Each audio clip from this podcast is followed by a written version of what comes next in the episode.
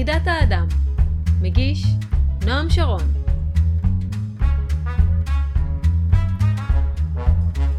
מביט אני באפלה. בתוכה נוצר אור, אור חי.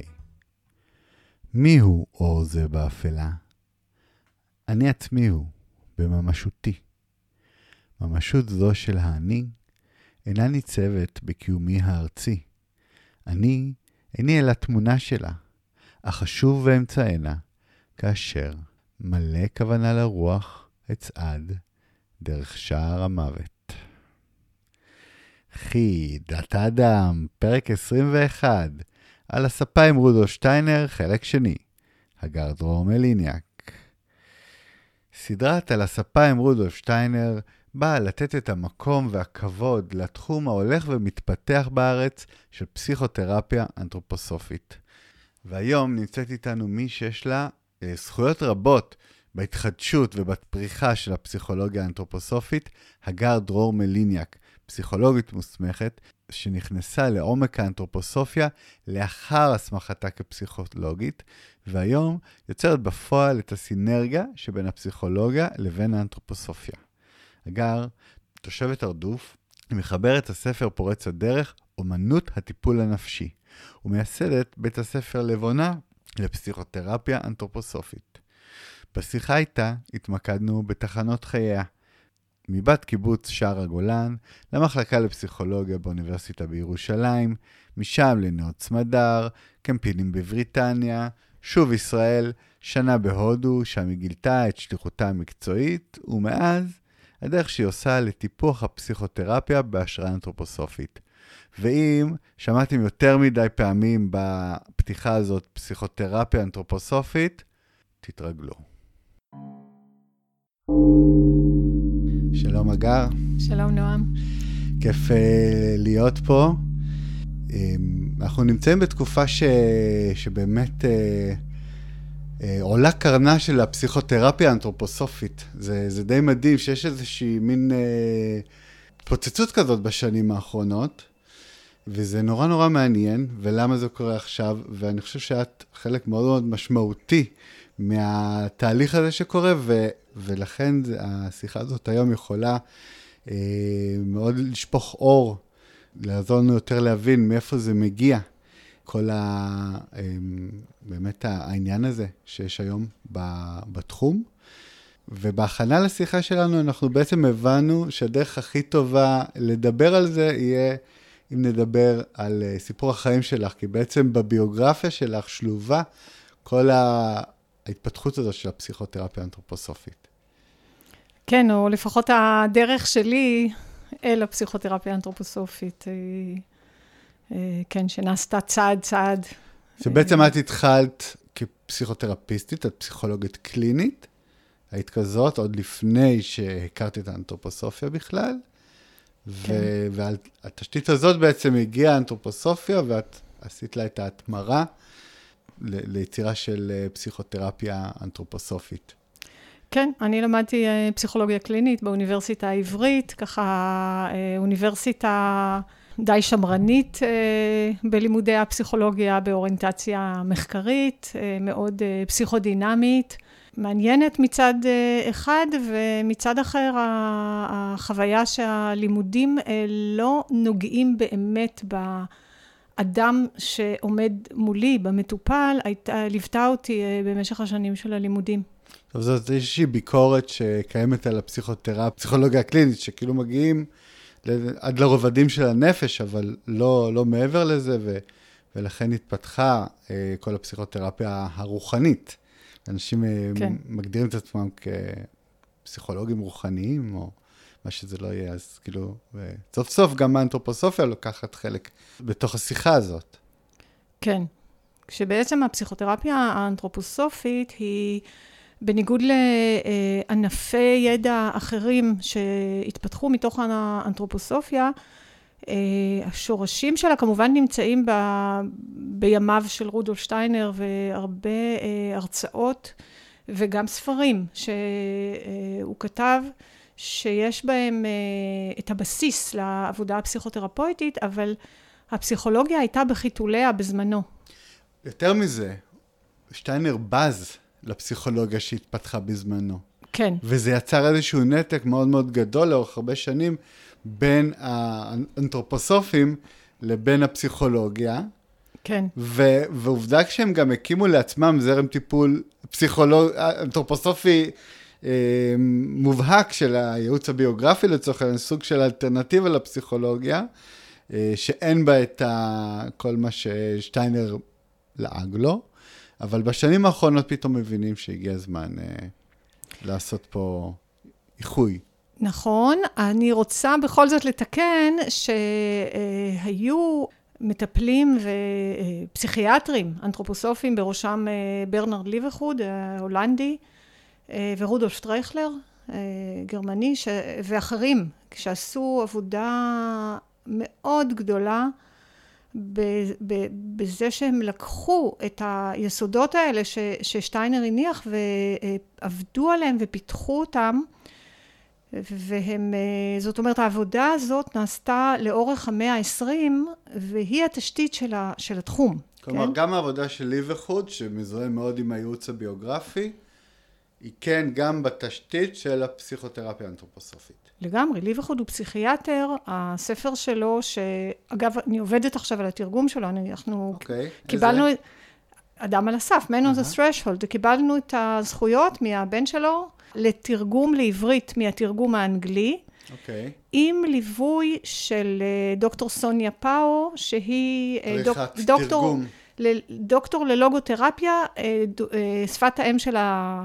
הולנדית, היא ישראלית, והיא תאמת את התרגום ביחס כן. למקור. אוקיי. Okay. אז הספר של, uh, הזה, של ליברחוד, מאוד נוגע, uh, הוא מאוד פסיכותרפויטי במהות שלו, וגם עוסק בהפרעות נפשיות ובדברים שקשורים באמת לתשתית של העבודה הפסיכותרפויטית. אוקיי. Okay.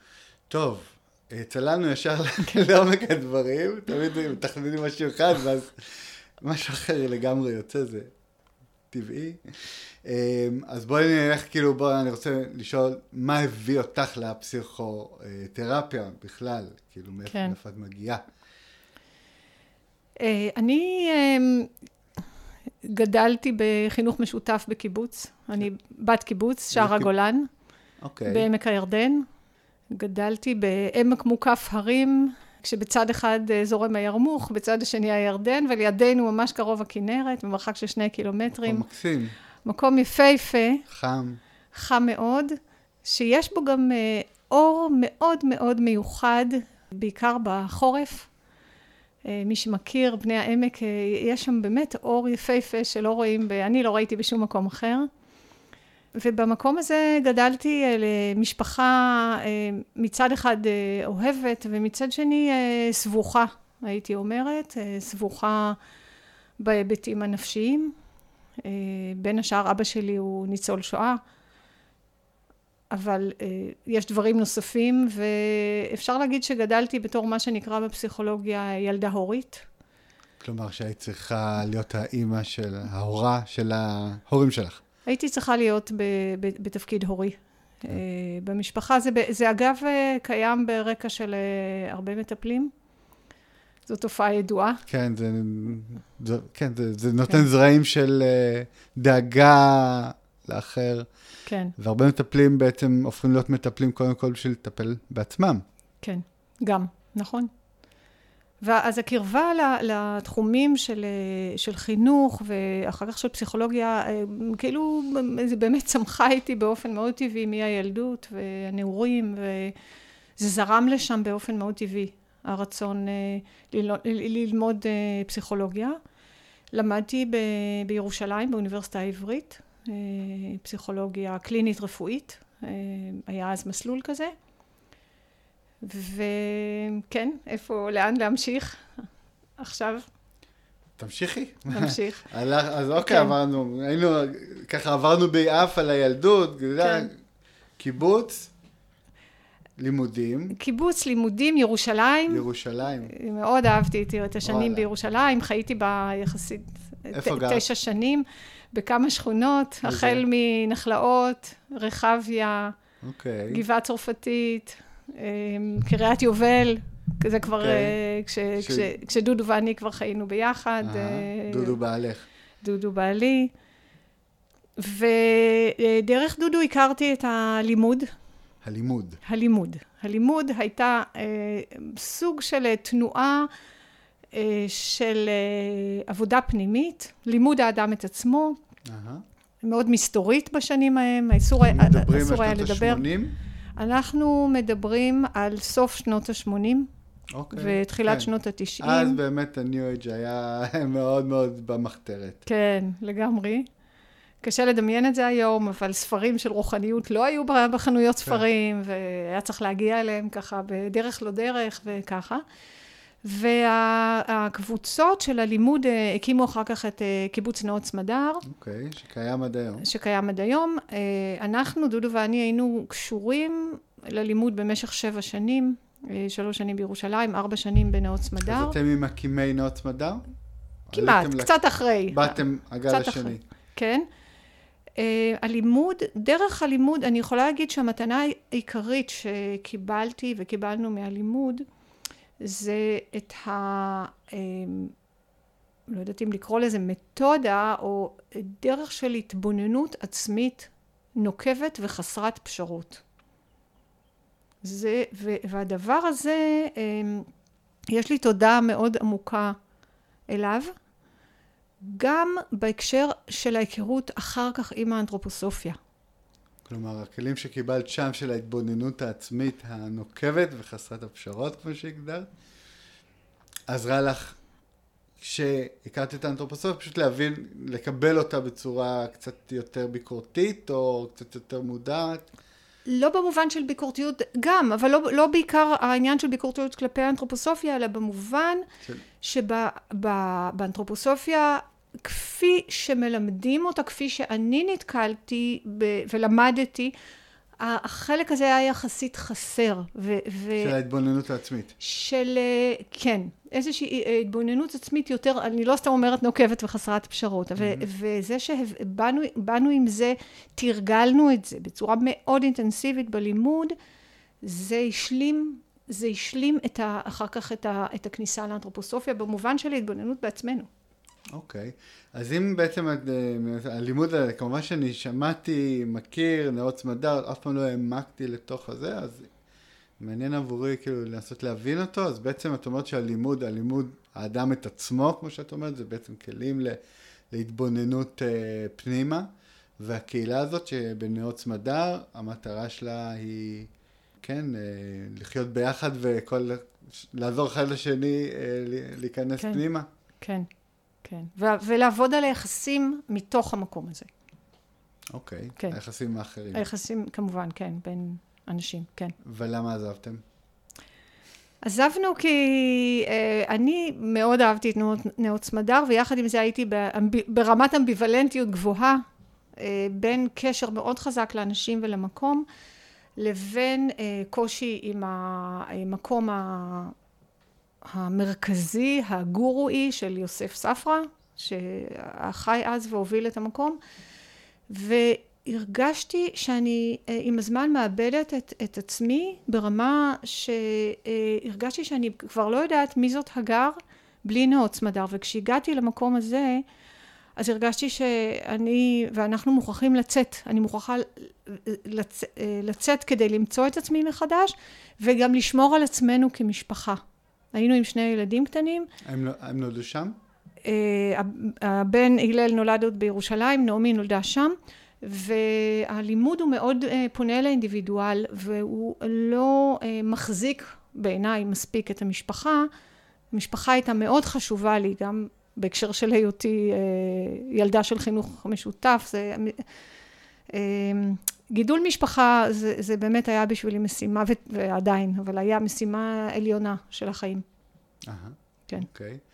אז, אז יצאתם מנאות סמדר? אז יצאנו למסע של שנה שתוכנן במקור כמסע של בין קהילות ב, באירופה, והמשיך למסע שברובו היינו, התנדבנו בקמפ הילים, בכפרים טיפוליים אנתרופוסופיים באנגליה ובאירלנד, ברוב הזמן. וואו. וואו, עם שני ילדים קטנים. עם שני ילדים בני חמש ושלוש. מדהים. כן. זאת הייתה שנה עוצמתית, קשה, ומאוד גיבשה אותנו כמשפחה. יכלת לעשות משהו חוץ מלגדל שני ילדים קטנים? קצת, היינו, היינו, אה, כמה חודשים היינו אה, הורי בית מחליפים בקמפי למשל, אז הייתי בתוך הבית, עם ה... במידה רבה עם הילדים. הילדים באופן חלקי נכנס, אה, נכנסו לגן ולדורף, זאת הייתה חוויה מפעימה בקמפיל, כן, גן בקמפיל. בעצם זה, שם הכרתם את חינוך ולדורף. שם הכרנו את חינוך מעשי, ולדורף. וזה היה, לא, זה באמת היה לא, לא יאמן, שהילדים פתאום חוזרים מהגן ושרים, אוהב, מאוהב, מאוהבים בגן, ואנחנו אנחנו התאהבנו באנתרופוסופיה בשנה הזאת כלומר, ממש. כלומר, בעצם כשהתחלתם את הסיבוב הזה לא הייתם בהיכרות עמוקה עם האנתרופוסופיה, זה, כאילו זה היה משהו שקיים שם, אבל לא הייתם אנתרופוסופים לצורך העניין. עוד לא. דודו הכיר יותר את okay. אוקיי. הכתבים, אני פחות. Uh-huh. שם, שם צללנו לתוך היכרות, כן, לתוך. מאוד עמוקה. גם, גם מעשית, אה, זאת אומרת, בתוך, פשוט לחיות בתוך הקמפיל. וגם דרך, אה, דרך ספרים ודרך, אה, כן. זה מעניין, אז אני מבין גם שאתם כזוג חיפשתם או מחפשים עד היום את החיים הקהילתיים, את הלהיות חלק כן.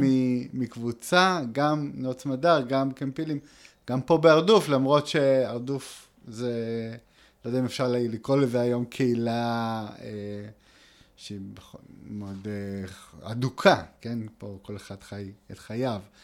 אבל זה משהו שמאפיין אתכם. Uh, כן, השאלה של קהילה היא שאלה, הייתי אומרת שהיא שאלה בוערת עבורנו, בכל מיני דרכים. Mm-hmm.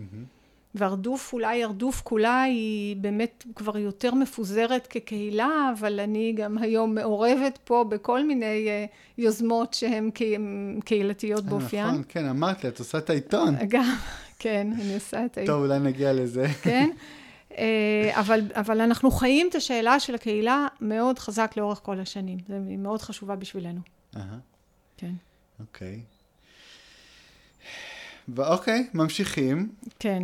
אז, אז הייתה את השנה הזאת, אה, וחזרנו לארץ, אה, התיישבנו, רצינו להגיע להרדוף, אבל אי אפשר היה להגיע מיד. זה לקח... לא, פשוט לא היה בתים. לא היו, כן, לא היו בתים. הילדים נכנסו למערכת החינוך בהרדוף, אה, ואנחנו... אה, אז הייתם פה בסביבה. היינו בסביבה וחיכינו, וכשהיה אפשר אה, נכנסנו דרך זה שדודו הקים את בית המתבגרים בפנימיית טוביה. אוקיי. וניהל אותו במשך 15 שנה. אני חזרתי למסלול הפסיכולוגי, סיימתי את ה... השלמתי את ההתמחות. Mm-hmm. התחלתי לעבוד באופן עצמאי. ו... כפסיכולוגית קלינית כן, אה, לכל דבר. כפסיכולוגית קלינית במרפאה לבריאות הנפש וגם בקליניקה פרטית. והתחלתי בהדרגה לחבר העולמות שנחוו אצלי כמאוד נפרדים של הפסיכותרפיה והאנתרופוסופיה, התחילו צעד צעד צעד להתקרב. אפילו הייתי אומרת בהתחלה באופן לא מודע לגמרי. אוקיי. Okay. דרך אה, אה, היכרות עם התחום של הביוגרפיה, דרך אה, היכרות עם, עם תחומי ידע אחרים בתוך האנתרופוסופיה. אני למדתי במשך השנים, חוץ מכמובן שנת מבוא, קורס, כל, כמעט כל קורס אנתרופוסופי שהיה לו איזשהו, איזושהי נגיעה לתחום. אוקיי, okay, אבל בעצם גם את אומרת שהחשיפה שלך לאנתרופוסופיה וההתקרבות שלך אליה לא פגמה בחיבור שלך לפסיכותרפיה של okay. אוקיי. פעם. זאת נקודה חשובה, כי התפיסה שלי לפני, ה... לפני השנה באנגליה הייתה של אה, אה, פילוסופיות חיים מנוגדות. נגיד, נגיד, למשל הפסיכותרפיה והאנתרופוסופיה. והשנה הזאת באנגליה, שבה גם אה, היינו בעוד כמה קהילות, וראיתי איך כל קהילה, חוב, יש את המקום שחווה את עצמו, אנחנו, אנחנו הכי. אנחנו הדבר האמיתי. ומשהו בחוויה הזאת של כמה קהילות שכל אחת חווה את עצמן ככה, שינה אצלי אה, פנימית, אה, התעורר אצלי הרצון לחבר. בגלל הנפרדות הזאת, ומשם והלאה, וזה היה, נגיד אנחנו מדברים על לפני 25 שנה, הדחף הזה לחפש את החיבור אה, נעשה יותר ויותר חזק. ולכן, ויש כמובן ניגוד בין, ה, למשל, בטח הפסיכותרפיה הפסיכודינמית, שנובעת מעבודה ש, של פרויד, כן, והפסיכואנליזה, לבין הראייה האנתרופוסופית, כמובן יש שיש ניגודים. אבל האימפולס המחבר אה, התעורר אצלי אז, והמשיך. אוקיי. Okay. הרצון לחבר. שזה בעצם מה שמנחה אותך. כן, לגמרי. עד היום, או שאולי כבר, היום כבר יש את החיבור. כן. אבל הוא דורש עבודה, עדיין. כל, כל הזמן מחדש. כן. אז חזרת לארץ. כן. הייתם בסביבת הרדוף, התחלת לעבוד כפסיכולוגית, והחיבור הזה מתחיל אה, לקרות. כן. ואז גם, ואז הופיע הספר, אומנות הטיפול עוד לא, הנפשי. עוד אוקיי, לא. אה, זה אה, באמת הלך והתחבר, ובשלב מסוים החלטנו לנסוע שוב, 12 שנים אחרי הנסיעה הקודמת, נסענו בשנת 2008-2009 להודו לשנה. אוקיי, הילדים כבר גדולים. 17, 15 ו-8, כבר יש שלושה. ואנחנו אה, נוסעים וחיים, אה, אה, דודו עובד כמצייר, כאומן אורח בכפר אומנים, בבית ספר, ואנחנו חיים שם, והילדים לומדים שם. ואני, יש לי שנה שמראש ייעדתי אותה למצוא, לגבש את השלב המקצועי הבא. הבנתי okay. אוקיי. שהוא צריך להגיע ולא הבנתי מהו. לא ידעתי מהו. ותוך חודש אחרי שאנחנו נוסעים, זה חודש אחרי שאנחנו בהודו, בהליכת בוקר, אנחנו הולכים ביחד כל בוקר, זה הזמן שאנחנו מגבשים ביחד את המחשבות בונים, שלנו. איך אתם אה, כובשים את העולם? מתכננים. כן. בג'ונגל היפהפה של כן, דרום הודו. כן, זהו, לא היית קם על זה רגע, פיו, שנה כן, בהודו, וואו, כן. איזה חלום. איפה הכפר ממש, הזה? ממש, הכפר ליד בנגלור, עיר מאוד גדולה בדרום. של מיליוני תושבים בדרום, אבל... Uh, ג'ונגל, כי האנשים שמובילים את הבית ספר הזה משמרים שם את היער, mm-hmm. יש שם עדרים של פילים, וואו. יש שם נמרים, יש שם באמת העולם החי, נחשים ענקיים, שאחד הדברים שקרו לי בשנה הזאת, שהפסקתי לפחד מנחשים, אה, זה, זה בעצמו, הייתה חוויה, כן, וואו. כי הם כל כך יפים שם, וצבעוניים, ואי אפשר שלא וואו. להשתאות מהיופי וואו. שלהם. אז בתוך כל היופי הזה, ועצי הקוקוס והקופים שם למעלה כל פעם. קופים בלי סוף. על העצים. כן. אנחנו הולכים בוקר אחד בג'ונגל, ואני... נפל בבת, עליך קוקוס. ממש נפל לי קוקוס על הראש, ואני קולטת ש... שזאת המשימת החיים המקצועית שלי, זה השלב הבא. האיחוד הזה. האיחוד הזה והפסיכותרפיה האנתרופוסופית, ולהעמיק בזה וללמד את זה. זאת אומרת, לפנות לאנשים שכבר מטפלים, לא ללמד אנשים איך לטפל, זה פחות מעניין אותי. Okay. אוקיי. לפנות לאנשים שכבר למדו לטפל, שכבר עוסקים בטיפול נפשי.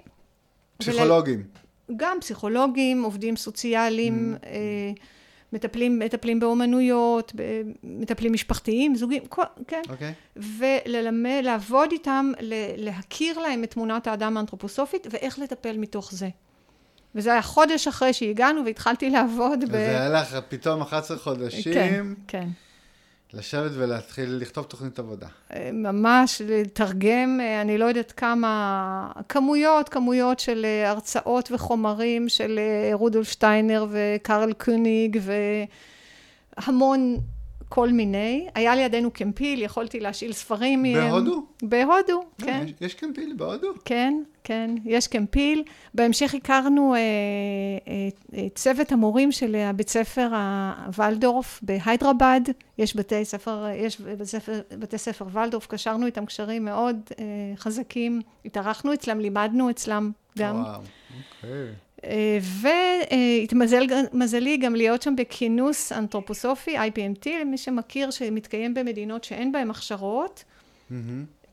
כינוס uh, שעושה הכשרה משותפת לרופאים, uh, מטפ... פסיכותרפיסטים ומורים. החיבור המתבקש. נכון, כל שנה מתקיים, השתתפתי בו שבוע. כשמי שהייתה אורחת הכבוד שם הייתה אה, דוקטור מיכאלה גלוקלר. כאילו. אי אפשר לעשות משהו שהיא לא אורחת הכבוד. מיכאלה, היה לה תפקיד מאוד חשוב בדרך המקצועית שלי. אוקיי. היא הייתה, אני הייתי ישראלית יחידה, היה אז פה איזה מבצע בעזה, היא אמרה דברים... 2008? כן, מאוד קשים על, ה, על הישראלים, זה היה קשה לעמוד שם ולשמוע את זה, באמת? כן. וואי, בארץ היא אומרת דברים אחרים. כן, ואני אה, דרשתי ממנה להיפגש איתי אישית, לא בגלל מה שהיא אמרה, ואמרתי לה, הצ... הצגתי לה את עצמי, היא פינתה כמה דקות בשבילי, ואמרתי לה, מיכאלה, אני חייבת לעשות את הדבר הזה, זאת המשימה שלי. והיא באופן מאוד מאוד פשוט נתנה לי את ברכת הדרך. וזה היה, הייתה נקודה קריטית. התמיכה שלה, הפשטות הזאת שהיא אמרה לי, תלכי על זה, היא אמרה לי מה שהיו הדרישות בעיניה אז, ככה וזה, אבל זה, זה נתן לי חיזוק רוחני לשנים. אחר כך פגשתי אותה עוד כמה פעמים, זה היה חשוב בצורה בלתי רגילה. אז... אחר כך גם התחילה להגיע המון לישראל, אולי כן. משהו שם השתנה. כן. וואו, אוקיי. אז זהו, אז זאת הייתה שנה באמת של עבודה מאוד אינטנסיבית על ההכנה של מה שאחר כך קרה. כשחזרתי לארץ, בעצם הזמנתי אנשים, היינו צוות, לא יודעת אם להגיד את השמות, אבל צוות של מטפלים, צוות רב מקצועי, עבדנו שלוש שנים כסוג של קבוצת מחקר של התחום. Uh-huh. זה היה דוקטור חנן גולדמן, ראובן שליב. שהוא גם פסיכולוג. הוא פסיכיאטר. פסיכיאטר, וראובן שליב הוא פסיכולוג. כן, זכריה וולף, אורית מיסט. אורית מיסט. אניטה מגנזי. זה, זה היה הצוות הבסיסי, היו עוד אנשים שהצטרפו, עבדנו שלוש שנים, שבוע שבוע, נפגשנו פה.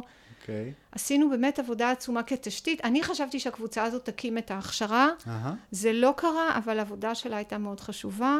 במקביל באמת כתבתי את הספר. אוקיי, okay, פה מגיע הספר. כן. זהו, אני זוכר שהוא הגיע ופורסם מתי? בשנת 2010? 11, 11? כן.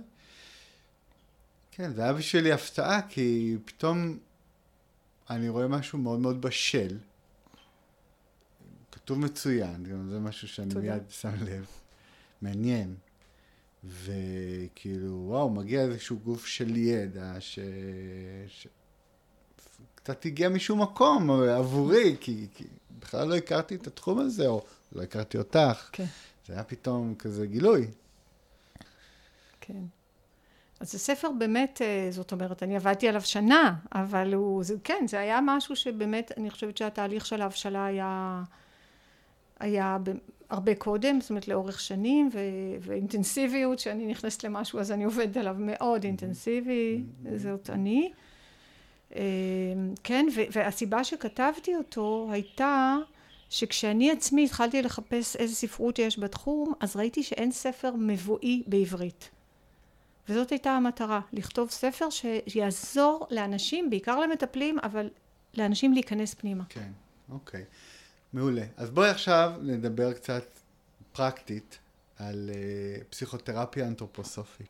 אני רק אגיד עוד דבר אחד, כן. שכשחזרתי לארץ אז התחיל, הצטרפתי, זה התחיל שנה קודם, להכשרה כאן של הדקרס, הנריאטה mm-hmm. ו... ההולנדים. ההולנדים, שניתנה במשך שבע שנים, שבוע בשנה, אני הצטרפתי אליה, התקיימה בהרדוף, ואחר כך כשסיימתי את ההכשרה שלהם, אז גם השתתפתי בשני קורסי מורים בינלאומיים, שיעדו להכשיר את בוגרי ההכשרה של הדקרס להיות מורים מטעם הארגון הבינלאומי, האיפאפה.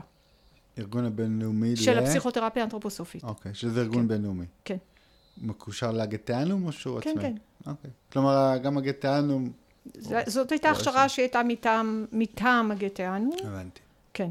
ו- ובעצם עם סיום ההכשרה שלי אצלם, אז הקמנו את ההכשרה שלנו, של לבונה. אוקיי. כן. שזו הכשרה שהיום את מנהלת, כן. הכשרת פסיכותרפיסטים כפסיכותרפיסטים אנתרופוסופיים. כן. בואי נגיע לזה. כן. בואי נדבר קצת על הטיפול עצמו. כן. איפה זה בא לידי ביטוי? כן. זה בא לידי ביטוי בהמון דרכים, זה תמיד קשה לי לענות על זה באופן כללי, ויותר קל לי ללכת לדוגמאות. דוגמאות, מצוין. זה יכול להיות מלמשל זה שלפני שבוע ישבתי עם זוג שפנה אליי ממש לא מזמן, בעצם לטיפול זוגי, ובתוך שהם מדברים על המתחים הזוגיים ביניהם, האישה מדברת על ה... על איך הגבר אה, מעניש בצורה קשה מדי את, ה... ילדים? את, ה... את, ה... את הילדה. ואז מסתבר, ואני מתחילה לשאול, אני אה, במידה רבה רואה כל טיפול גם כבסיס להדרכת הורים, כי אני, תמיד יש לי במחשבה גם את הילדים ש, שנמצאים שם, גם כשהמטופל הוא בא לטיפול פרטני, אז אני תמיד עם, עם ככה עם, אה, עם אוזן קשובה לנושא של הדרכת הורים. ו, אה, ואז אנחנו, אני, אני פותחת את זה לשיחה ואז אה, מסתבר לי שהדרישות של האבא מהילדה הן לא מותאמות לשלב ההתפתחות שלה ואני מנסה להסביר את זה למה מילדה בת שמונה אי אפשר לצפות לאותם דברים כמו מילדה בת 12 ומה ההבדל ובלי להיכנס לשום מינוח אנתרופוסופי כן mm-hmm. פשוט להסביר את זה שיש התפתחות של היכולת העצמאית של הילד ו, ועד איזה גיל ובאיזה סוג של דרישות או של מעשים חשוב ללוות ילד ומאיזה גיל כבר הוא יכול לעשות את הדברים לבד למשל כן? אוקיי okay, טוב אז זה כאילו נורא נורא פשוט בעצם. בכוונה נותנת דוגמה פשוטה. דוגמה קלה. כן כן. אוקיי. okay. אבל הדוגמאות, הדוגמאות האלה ישנם אה, כל הזמן, או עונשים, מה הבעיה עם אה, עונשים ואיך תגובה למעשה שילד עושה בעצם צריכה להתייחס למעשה ולאפשר תיקון ולא ענישה ש...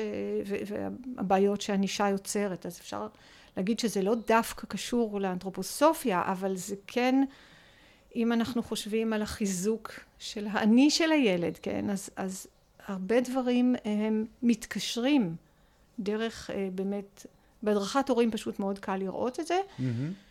בצורות אחרות אמ, יש לזה ביטוי בזה שכשאני פוגשת מטופל, מטופלת, אז אמנם אין לי את כל התיאוריות בראש באותו רגע, לאף מטפל אין, אבל אני כן אה, יכולה לשים, לשאול את עצמי או לשים לב למה קורה בין, באיזון בין שלושת כוחות הנפש שלו, בין החשיבה, הרגש והרצון, ואיפה אולי יש חסימה או משהו שלא מתחבר בצורה מספיק הרמונית.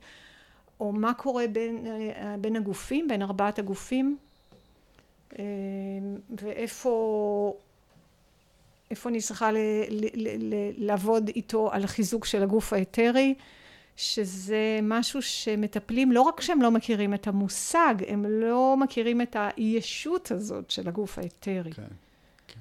יש גוף, יש נפש ומה ש... עזבי מטפלים, ביולוגים לא מכירים. כן. כמובן התפיסה הביוגרפית, התפיסה. של התפתחות כן לאורך החיים, בוודאי, הידע הביוגרפי נכנס מאוד, זאת אומרת, אני עובדת עם אדם בן 40, הבוקר פגשתי מטופל, כן, בן 45, שמרגיש עכשיו צורך מאוד גדול ל... לעזוב מקום עבודה שהוא עובד בו הרבה מאוד שנים, מאוד בהצלחה, ולעשות, לקחת איזשהו פסק זמן. הסברת לו על משבר אמצע החיים? וחשבתי... אמרת לו שהוא באיחור של שלוש שנים? לא, דווקא חשבתי על גודרון בוקהארט שכתבה את uh, Taking Charge, את כן. הספר הנפלא של הביוגרפיה שמתארת, בעקבות uh, תיאור של uh, רודולף שטיינר בכיצד קונים, איך בשבע שנים האלה, בין 42 ל-49, הרבה פעמים אנחנו הולכים כמו בתוך יער סבוך, אנחנו כל פעם רואים רק את הצעד הבא, ואז מדי פעם אנחנו עולים על גבעה, ופתאום נפרס שם איזה נוף יותר רחב, שאנחנו, של, של עצמנו. כן. פרספקטיבה, כן, ואיך היציאה כן, כן. הזאת, היא באמת יכולה לתת פרספקטיבה הזאת. שהיא קורית בגיל 49-50. קורית, אבל ההכנות שלה הן כבר... בשוויון כן, הזה. כן. וואו, אוקיי. טוב, נדבר אליי, זה בדיוק... אז יש המון, המון, המון, אפשר, המון דוגמאות. אהה. כאילו... בעצם, אז את אומרת שכאילו, עצם החזקת תמונת האדם המלאה אה, אצל המטפל במהלך הטיפול, זה כבר מאפשר לו אה, להיות אחרת, אה, ל- ל- לראות את המטופל אחרת ולעזור לו בצורה אחרת. זה, זה כאילו as simple as that, פשוט ברגע שיש את הידע הזה אפשר להתבונן ולייעץ בצורה שונה. כן, ההחזקה של תמונת האדם היא, היא היסוד, וזה אחד הדברים שאני כל הזמן בדיאלוג עם התלמידות שלי שרוצות כלים, ואני אומרת, כלים טיפוליים. אי אפשר להתחיל מהכלים. וזה לא פשוט, כ- כמי שבא ללמוד את התחום, להבין מה, ש, ש, שיש תמונת אדם כל כך שונה, וש... שצריך להכיר אותה קודם, שאי אפשר כן. ישר ללכת לכלים. כן, שבעצם, ממה שאני מבין, אז המסלול ההכשרה, בעצם מה שהוא עושה, לפחות בשלב הראשון, זה פשוט לתת שנת יסוד באנתרופוסופיה. כן. גם, אבל, אבל גם שכל הזמן הולכת אה, אל הטיפול. מן הסתם, כי זה... כל ה- הזמן, כן, כן, כן. ההתכווננות המקצועית שלהם, אבל כן. בעצם הם צריכים ללמוד אה, הם- גוף נפש רוח, כן. אה, כיצד קונים, אה, פילוסופיה של החירות וכל אה, ספרי היסוד האלה. כן. זה בעצם מה שעושים, אז בואי תספרי קצת על ההכשרה, זה בעצם הכשרה של כמה שנים, איך זה עובד? ההכשרה היא מסלול של ארבע שנים, ארבע שנים. כן, שכיום הוא, אפשר ללמוד אותו באופן מקוצר, כי אה, פתחנו אה, קורס מבוא, זה יחסית חדש. קורס מבוא אני מלמדת, בהכשרה אנחנו צוות של מורים. אוקיי. אה, אז הבוגרי קורס המבוא הם אה, יכולים להצטרף למסלול אה, מקוצר, כי יש להם את הבסיס. אה, היא מתקיימת אה, בעשרה מפגשים בשנה, ואנחנו באמת נותנים שם גם את הבסיס של הידע האנתרופוסופי, גם כמובן את ההתמקדות בתחום הטיפולי. אה, יש הצגות מקרה שהתלמידות עושות, והם, הם, ודרך זה אה, אחת ההתמודדויות המרכזיות היא באמת ללמוד איך מתוך תמונת האדם עושים את זה בפועל. זה לא קל. זה התיאורי מקרה בעצם. גם, כן. איך ממש מממשים את זה. איך זה... זה עוד פעם ועוד פעם לעבור את זה כדי להכניס את זה יותר ויותר לתוך הטיפול. אנחנו עושים סדנאות של התבוננות עם אה, אקסל אבלד. התבוננות בטבע. התבוננות בטבע, התבוננות בשלד האדם. מהמם. אה, יש לנו סדנאות קבועות. אה, יובל נאור ודודו מליניאק מלמדים אה, אנתרופוסופיה. אוקיי. ויש את אה, נבו עמית, שהוא תרפיסט באומנות, שמלמד אותנו גם על אה, תרפיה ב, באומנות ועבודה עם ילדים. אני עובדת עם מבוגרים, אז אה, מהמם, מהמם. נבו מלמד יותר עבודה עם ילדים. למדנו גם אה, עם אה, מירון, אה, דוקטור מירון ברק, אה, רפואה אנתרופוסופית. כן, אוקיי, זהו, זה מה שרציתי לשאול. איך זה משתלב עם הרפואה? זה מאוד משתלב, זה מאוד משתלב, ושנה הבאה גם מצטרף אלינו תדהר אה, דוניו, שהוא רופא רופא צעיר ומבטיח. צעיר ומבטיח. אה, בוגר ולדוף, אם אני לא טועה. לא? לא, הוא למד, הוא עבד בפנימיית טוביה, והוא למד אה, אומנות אה, פה, כן. אז ועוד, ויש לנו עוד מורים, אני לא אמנה את כולם, זה הרבה. אוקיי, זה ממש בית ספר, כאילו. סגל מורים, ומי התלמידים, מאיפה הם מגיעים? תלמידות בטח. תלמיד, רובם תלמידות, גברים נדירים, יש, אבל אה, נדירים ככה זה אצלנו. תמיד באנתרופוסופיה, זה זכות להיות אה, גבר באנתרופוסופיה. כן. אה, התלמידות מגיעות, א', מכל הארץ, ויש לנו כבר שנתיים תלמידה שהיא בחו"ל, אז היא? לומדת, היא לומדת איתנו בזום, וואלה. כן. כבר שנתיים, כבר עוד לפני הקורונה. אנחנו התחלנו עם הזום לפני הקורונה, וואו. והתיימנו, ויש לנו מיומנות בזה, כן. אז אה, יחסית כן, כן. אוקיי, וגם יש לנו תלמידה מאזור אילת, אז אה, גם לא תמיד יכולה לבוא. וואו. כן. אה, אבל תלמידות, כמו שאמרתי, מבחינת הרקע מקצועי הוא מגוון, באמת תחומים שונים של מתחומי אה, הטיפול. טיפול. כן, אבל צריך איזשהו, יש תנאי סף כן, יש לקבלה. תנאי סף, כן, כן. שהם? טיפ, טיפול בנפשי, כן. מהמם. זאת אומרת, לקורס מבוא הוא הרבה יותר פתוח, אפשר לבוא, לקורס מבוא יכול לבוא- לצורך העניין מישהי שרוצה להכיר את ל- התחום. להכיר את התחום, אולי להיות אה, מטפלת בעתיד. אפשר. זה, הוא מכוון למטפלים, לא אבל צריך הוא... כלום. הוא מכוון למטפלים, אבל הוא פתוח גם, אה, כן. כן. אוקיי. ולקורס הארבע שנים? להכשרה, כן. כן. אוקיי, אז- אז דיברנו על השנה הראשונה, אני חושב. זה ארבע שנים, מה מה אחר כך? לא? אני, אה, י- יש אה, הרבה נושאים, זה, Mm. זאת אומרת, יש קורסים, קורסים שהם קורסי אורך, שהם לאורך, כל אורך הארבע שנים, ויש אה, דברים שהם ספציפיים לפי כל אחת מהשנים. אנחנו גם הולכים אה, ביוגרפית, יש לנו כמה צירים בתוכנית, גם הולכים על הציר הביוגרפי, מהמם. כמובן עם יותר התמקדות בשביונים הראשונים. אה, נושאים בפסיכותרפיה כמובן, את כל התחום של השיחה הטיפולית בהקשר של שיחה גתיאנית, שזה תחום שאותי אישית מאוד מאוד מעניין, ואני עובדת איתו הרבה שנים. אוקיי, תרחיבי לי קצת, עכשיו אה, סקרנת אותי, שיחה גתיאנית. השיחה הגתיאנית היא, אה, קודם כל יש מאמר שנקרא אומנות השיחה הגתיאנית, כן. שזה איזשהו בסיס, אבל השיחה הגתיאנית אה, גם מבוססת על ההתבוננות הגתיאנית, ולכן גם לא סתם אנחנו לומדים התבוננות גתיאנית עם אה, אקסל, אז גם בתחום השיחה אה, אנחנו משתדלים, או בתחום המפגש הטיפולי, אנחנו רוצים ללמוד לעבוד מאוד מתוך התבוננות, גם התבוננות ממש במטופל וגם התבוננות בשיחה עצמה ובאיכות של השיחה. שהמטרה היא, נגיד, אם נגיד את זה בקצרה, היא להעלות את רמת השיחה למקום שהוא יהיה לא רק נפשי אלא גם רוחני. במקום של השיחה הגתיאנית, אני לא מדברת על הטיפולית, השיחה הגתיאנית עצמה, כשהשיח, כשהשיח יכול לעלות למקום יותר גבוה והדיבור נובע מתוך השקט, מתוך מקום מדיטטיבי, אז uh, יכול, זה פותח פתח לישויות רוחיות ל- לתמוך לתנוך. בהתרחשות הזאת. לנכוח. כן, ואת הדבר הזה אנחנו רוצים, מנסים להביא גם לשיחה הטיפולית. זה מזכיר לי, יש בהגדה של גתה, ששואלים כן. אותו מה כן. יותר יקר מזהב. כן. השיחה. כן, כן. נכון. זה בטח גם קשור לעניין של הקשבה. מאוד. הקשבה מאוד. פעילה. מאוד, מאוד. זה אחד הדברים שאנחנו עובדים עליו. גם באופן שאנחנו מנהלים את ימי הלימוד שלנו בינינו, להגיע לה, להקשבה, כן, פעילה ושקטה ומאפשרת. Hmm, טוב, זה שיעור שהייתי שמח. להשתתף בו. נזמין אותך. זה בהרדוף? בטבעון. אה, בטבעון. אנחנו מתארחים בתיכון שקד. אה, באורנים שם, כן, אחרת אורנים. כן, זה המקום שלנו. אנחנו חותרים לקראת uh, סיום.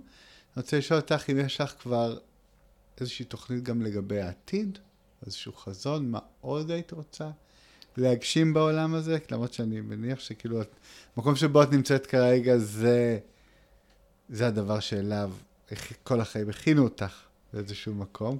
נכון, אבל אני תמיד רוצה עוד. הדבר הבא. הלאה. אז מה הדבר כל, הבא? אז קודם כל, השנה בעצם הרחבנו את ה, עוד את ה... את, את היקף העשייה שלנו בשני דברים. אחד זה שבעזרת הקורונה אה, התחלנו אה, לעשות אה, קורס קריאה מונחית מקוון, שבועי. קריאה במה? קריאה בספרי אה, יסוד, קראנו את התגלויות הקרמה, אנחנו קוראים את כיצד קונים, זאת אומרת, הנושא של קריאה מונחית היה חסר מבחינתי במשך השנים בהכשרה, והשלמנו אותך, אנחנו משלימות את החסר הזה עכשיו. אבל זה משהו שמיועד לתלמידות, לתלמידות, כן. ואולי כן. לתלמידות לשעבר גם.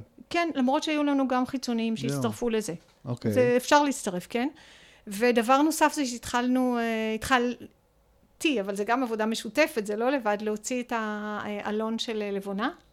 אהה, אה, שאני מקבל אותו והוא מקסים, הוא מקסים, הוא מצוי ממש בטוב טעם מעניין ו... זה ממש כיף, אני נורא נהנית מזה. ספרי לי על זה. אני ממש נהנית. זה באמת בזכות זה שהתחלתי לרכז פה בהרדוף צוות שמוציא את האלון של הרדוף. האלון של הרדוף, אז בואי, תספרי לי על האלון של הרדוף. כאילו, בעצם אני יושב פה עם אה, טייקון תקשורת. אני בכלל לא ידעתי שיש לי את זה בכיוונים האלה. האלון של הרדוף זה ממש כיף, ממש משחק, זה נורא נחמד. אנחנו... אה. קודם כל, אני מראיינת כל אה, חודש מישהו שמעניין אותי לראיין אותו פה בהרדוף. זה נורא נחמד. התחלנו לראיין, אנחנו צוות. אוקיי. Okay. אה, אז אחת החברות בצוות אה, מראיינת כל חודש קבוצת ספורט, הרדוף זה מעצמת ספורט. וואלה. כן, וזה מאוד מעניין. מה, איזה ספורט עושים פה? פריסבי פה, נשים וגברים, זה מאוד חזק. אוקיי. Okay. ויש פה כדורגל וכדורסל וכדורעף, ועוד כל מיני דברים שאני אפילו לא יודעת, רק... של התלמידים, של הבית ספר, או בכלל? לא, לא, מבוגרים. מבוגרים? גם נוער, okay. אוקיי. אבל מבוגרים. אה, ואני אה, התחלתי פרויקט של כלבים ובעליהם. כל אה, אהה. עיתון יש לנו אה, תמונות וכמה מילים שהבעלי מספר על הכלב, יש פה איזה 100 כלבים? בהרדוף. תפצחי את הסוד הזה. זה נורא מעניין לשמוע מה אנשים אומרים, וכלבים הם מקסימים, אחד אוקיי. אחד הם חמודים מאוד. אז זה ככה באמת האלון של הרדוף, שהוא, ממה שאני שומעת, אנשים מאוד שמחים איתו.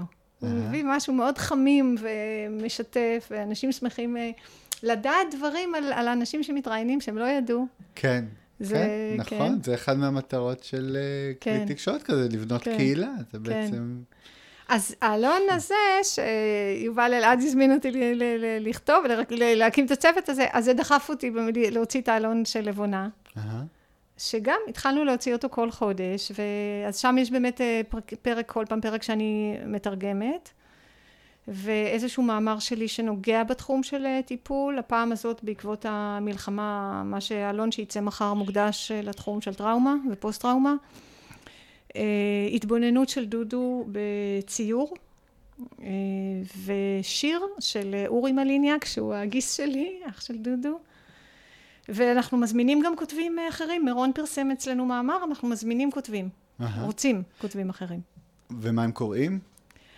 אה, מי הקוראים? לא, אתם, אפשר, אני מניח בטח. שיש פה קוראים שמאזינים עכשיו, שירצו. לקבל אותו, אז פשוט להיכנס לאתר שלך ולהירשם. פשוט לכתוב, כן, כן, כן, אנחנו, כן, ב- כן, פשוט במייל או בטלפון, כן, כן. אנחנו ממש מזמינים קוראים, כן, לי- אז להירשם. אני יכול גם להמליץ, אה, אני מקבל את זה, אני נהנה, אה, זה עשוי טוב, זה כתוב יפה, זה מעוצב. זה יש לנו עיצוב נהדר של יערה בלייבייס. כן, כן, כן, זה כן, נראה ממש. נראה מצוין, כן. יופי. טוב, את העלון של הרדוף אני אשמח לראות. נשלח לך. תשלחי לי, כן.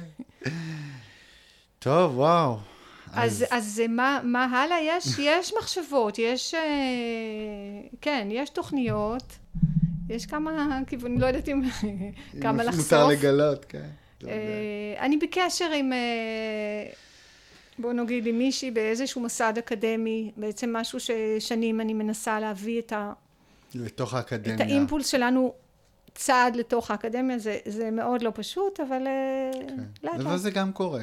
כן, אני רואה כן. יותר ויותר. גם באקדמיה מחפשים יותר רוח, כן, וגם באנתרופוסופיה מחפשים את האקדמיה כן. יותר ויותר. והגיע הזמן שאם דיברת מקודם על החיבור הזה בין התרפיה האנתרופוסופית לבין הפסיכותרפיה הקלינית, ה- אז הייתי מרחיב את זה אפילו יותר ואומר שהגיע הזמן יותר ויותר לחבר בין האקדמיה לבין האנתרופוסופיה, למצוא את המשותף, זה לא אה, פוגע או מוריד מהרמה, להפך, זה רק אה, גורם לנו אה, לעשות לנו איזושהי ריאליטי צ'ק, שהיא מאוד מאוד חשובה. אני מסכימה. טוב, אגר, שיהיה המון בהצלחה, גם בתוכנית הלימודים, במחזור החדש שייפתח שנה הבאה, ובכל אה, מפעלייך, הפובליציסטים, המו"לים והתרפויטים. תודה רבה, נועה.